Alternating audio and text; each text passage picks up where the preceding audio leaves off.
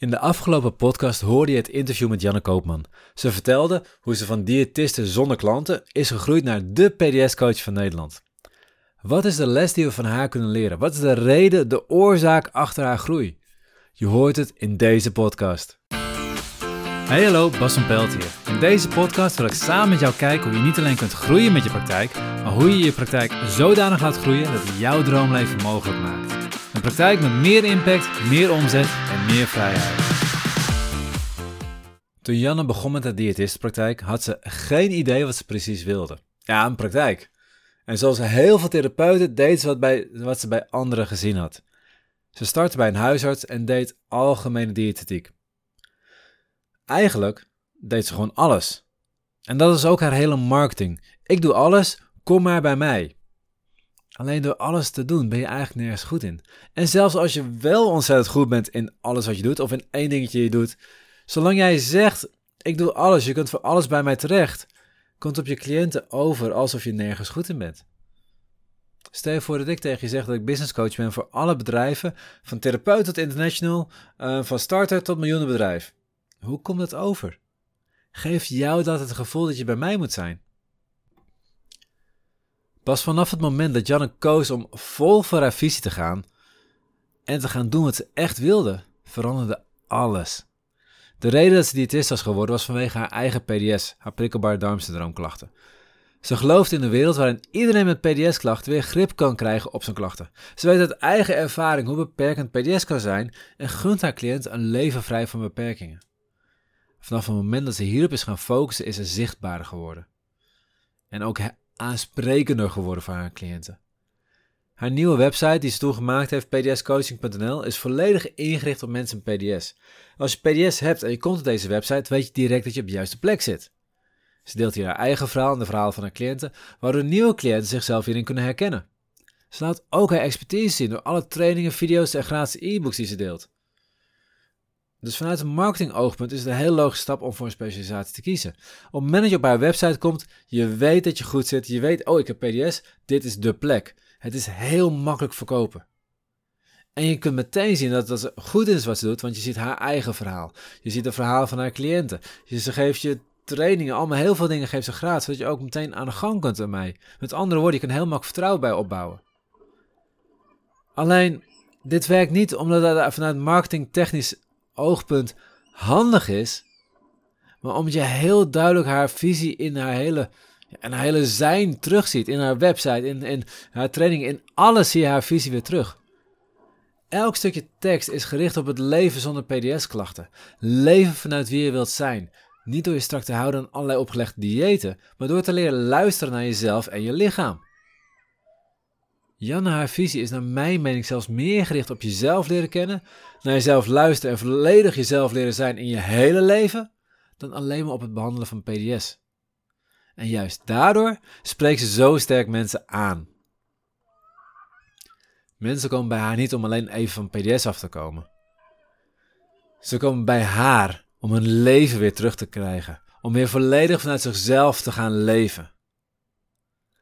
Het grote verschil tussen marketingtruc en echt een visie neerzetten vind je hier duidelijk terug. Door puur haarzelf te zijn en voor zichzelf een ideaal uh, leven te creëren, zoals zij leeft, zoals zij haar bedrijf op ingericht heeft, zoals zij ja, alles doet en alles laat zien ook. Door helemaal die visie te leven, bouwt zij een community op van fans. Mensen die haar visie delen en deze willen helpen groeien. En fans is wat anders dan cliënten. Kijk, iemand die goed van zijn klachten afgeholpen is, die zal mensen doorverwijzen naar je. Maar iemand die geïnspireerd is door jouw visie, die springt voor je op de barricades, die doet zoveel meer voor je. En dat zie je in de video's met de cliënten, dat merk je in de webinars, in de reacties die mensen op haar geven. Dat merk je in de samenwerking die ze met ze heeft. Jan hoeft zelf niet op zoek te gaan naar partners of verwijzers. Ze wordt gevraagd door verwijzers of ze alsjeblieft met haar willen werken. Of zij met, met die verwijzers wil werken. Dat is de kracht van de visie. Dat is echt, het, is zo gaaf wat je gaat creëren op het moment dat je op die manier aan de gang gaat. Je zet iets neer wat groter is dan alleen maar wie jij bent. Je zet iets neer waar mensen achter kunnen gaan staan, waar mensen uh, voor kunnen juichen, waar mensen in kunnen geloven. Dus voordat je voor jezelf begint, of als je praktijk al bestaat, Neem dan even weekend vrij voor je vervolgstap neemt. En zorg dat je je visie helder hebt.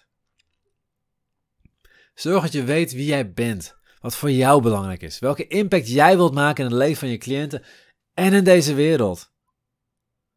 Kijk, je visie is meestal iets wat je zelf tekort bent gekomen in je jeugd, wat je nu aan het ontwikkelen bent en wat je vervolgens aan de rest van de wereld gunt.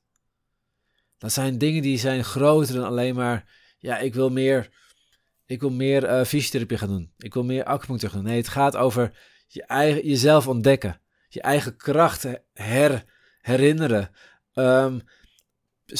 Je, wil je, je wil jezelf overstijgen. Je wil al de overtuigingen die je meegekregen hebt overstuigen. En er zijn veel meer mensen die hetzelfde hebben als jij. Die dezelfde visie delen als jij. Alleen die je niet helder durft neer te zetten. Of die je niet, nog, nog niet durf, voor durft te staan. Kijk naar Martin Luther King. Hij was niet de enige die dacht hoe er met uh, zwarte omgegaan wordt. Dat kan echt niet. Hij was niet de enige die dat dacht. Er waren veel meer mensen. Maar hij durfde het uit te spreken. Hij durfde het voor te leven.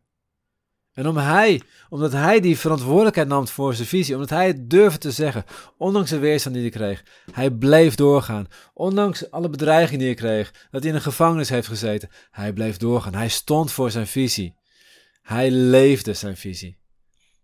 En vervolgens, zelfs zonder allemaal marketingtechnieken te gebruiken, stonden er meer dan 100.000 man naar zijn speech te luisteren. In de tijd van voor Facebook-events stonden er honderdduizend man naar zijn speech te luisteren.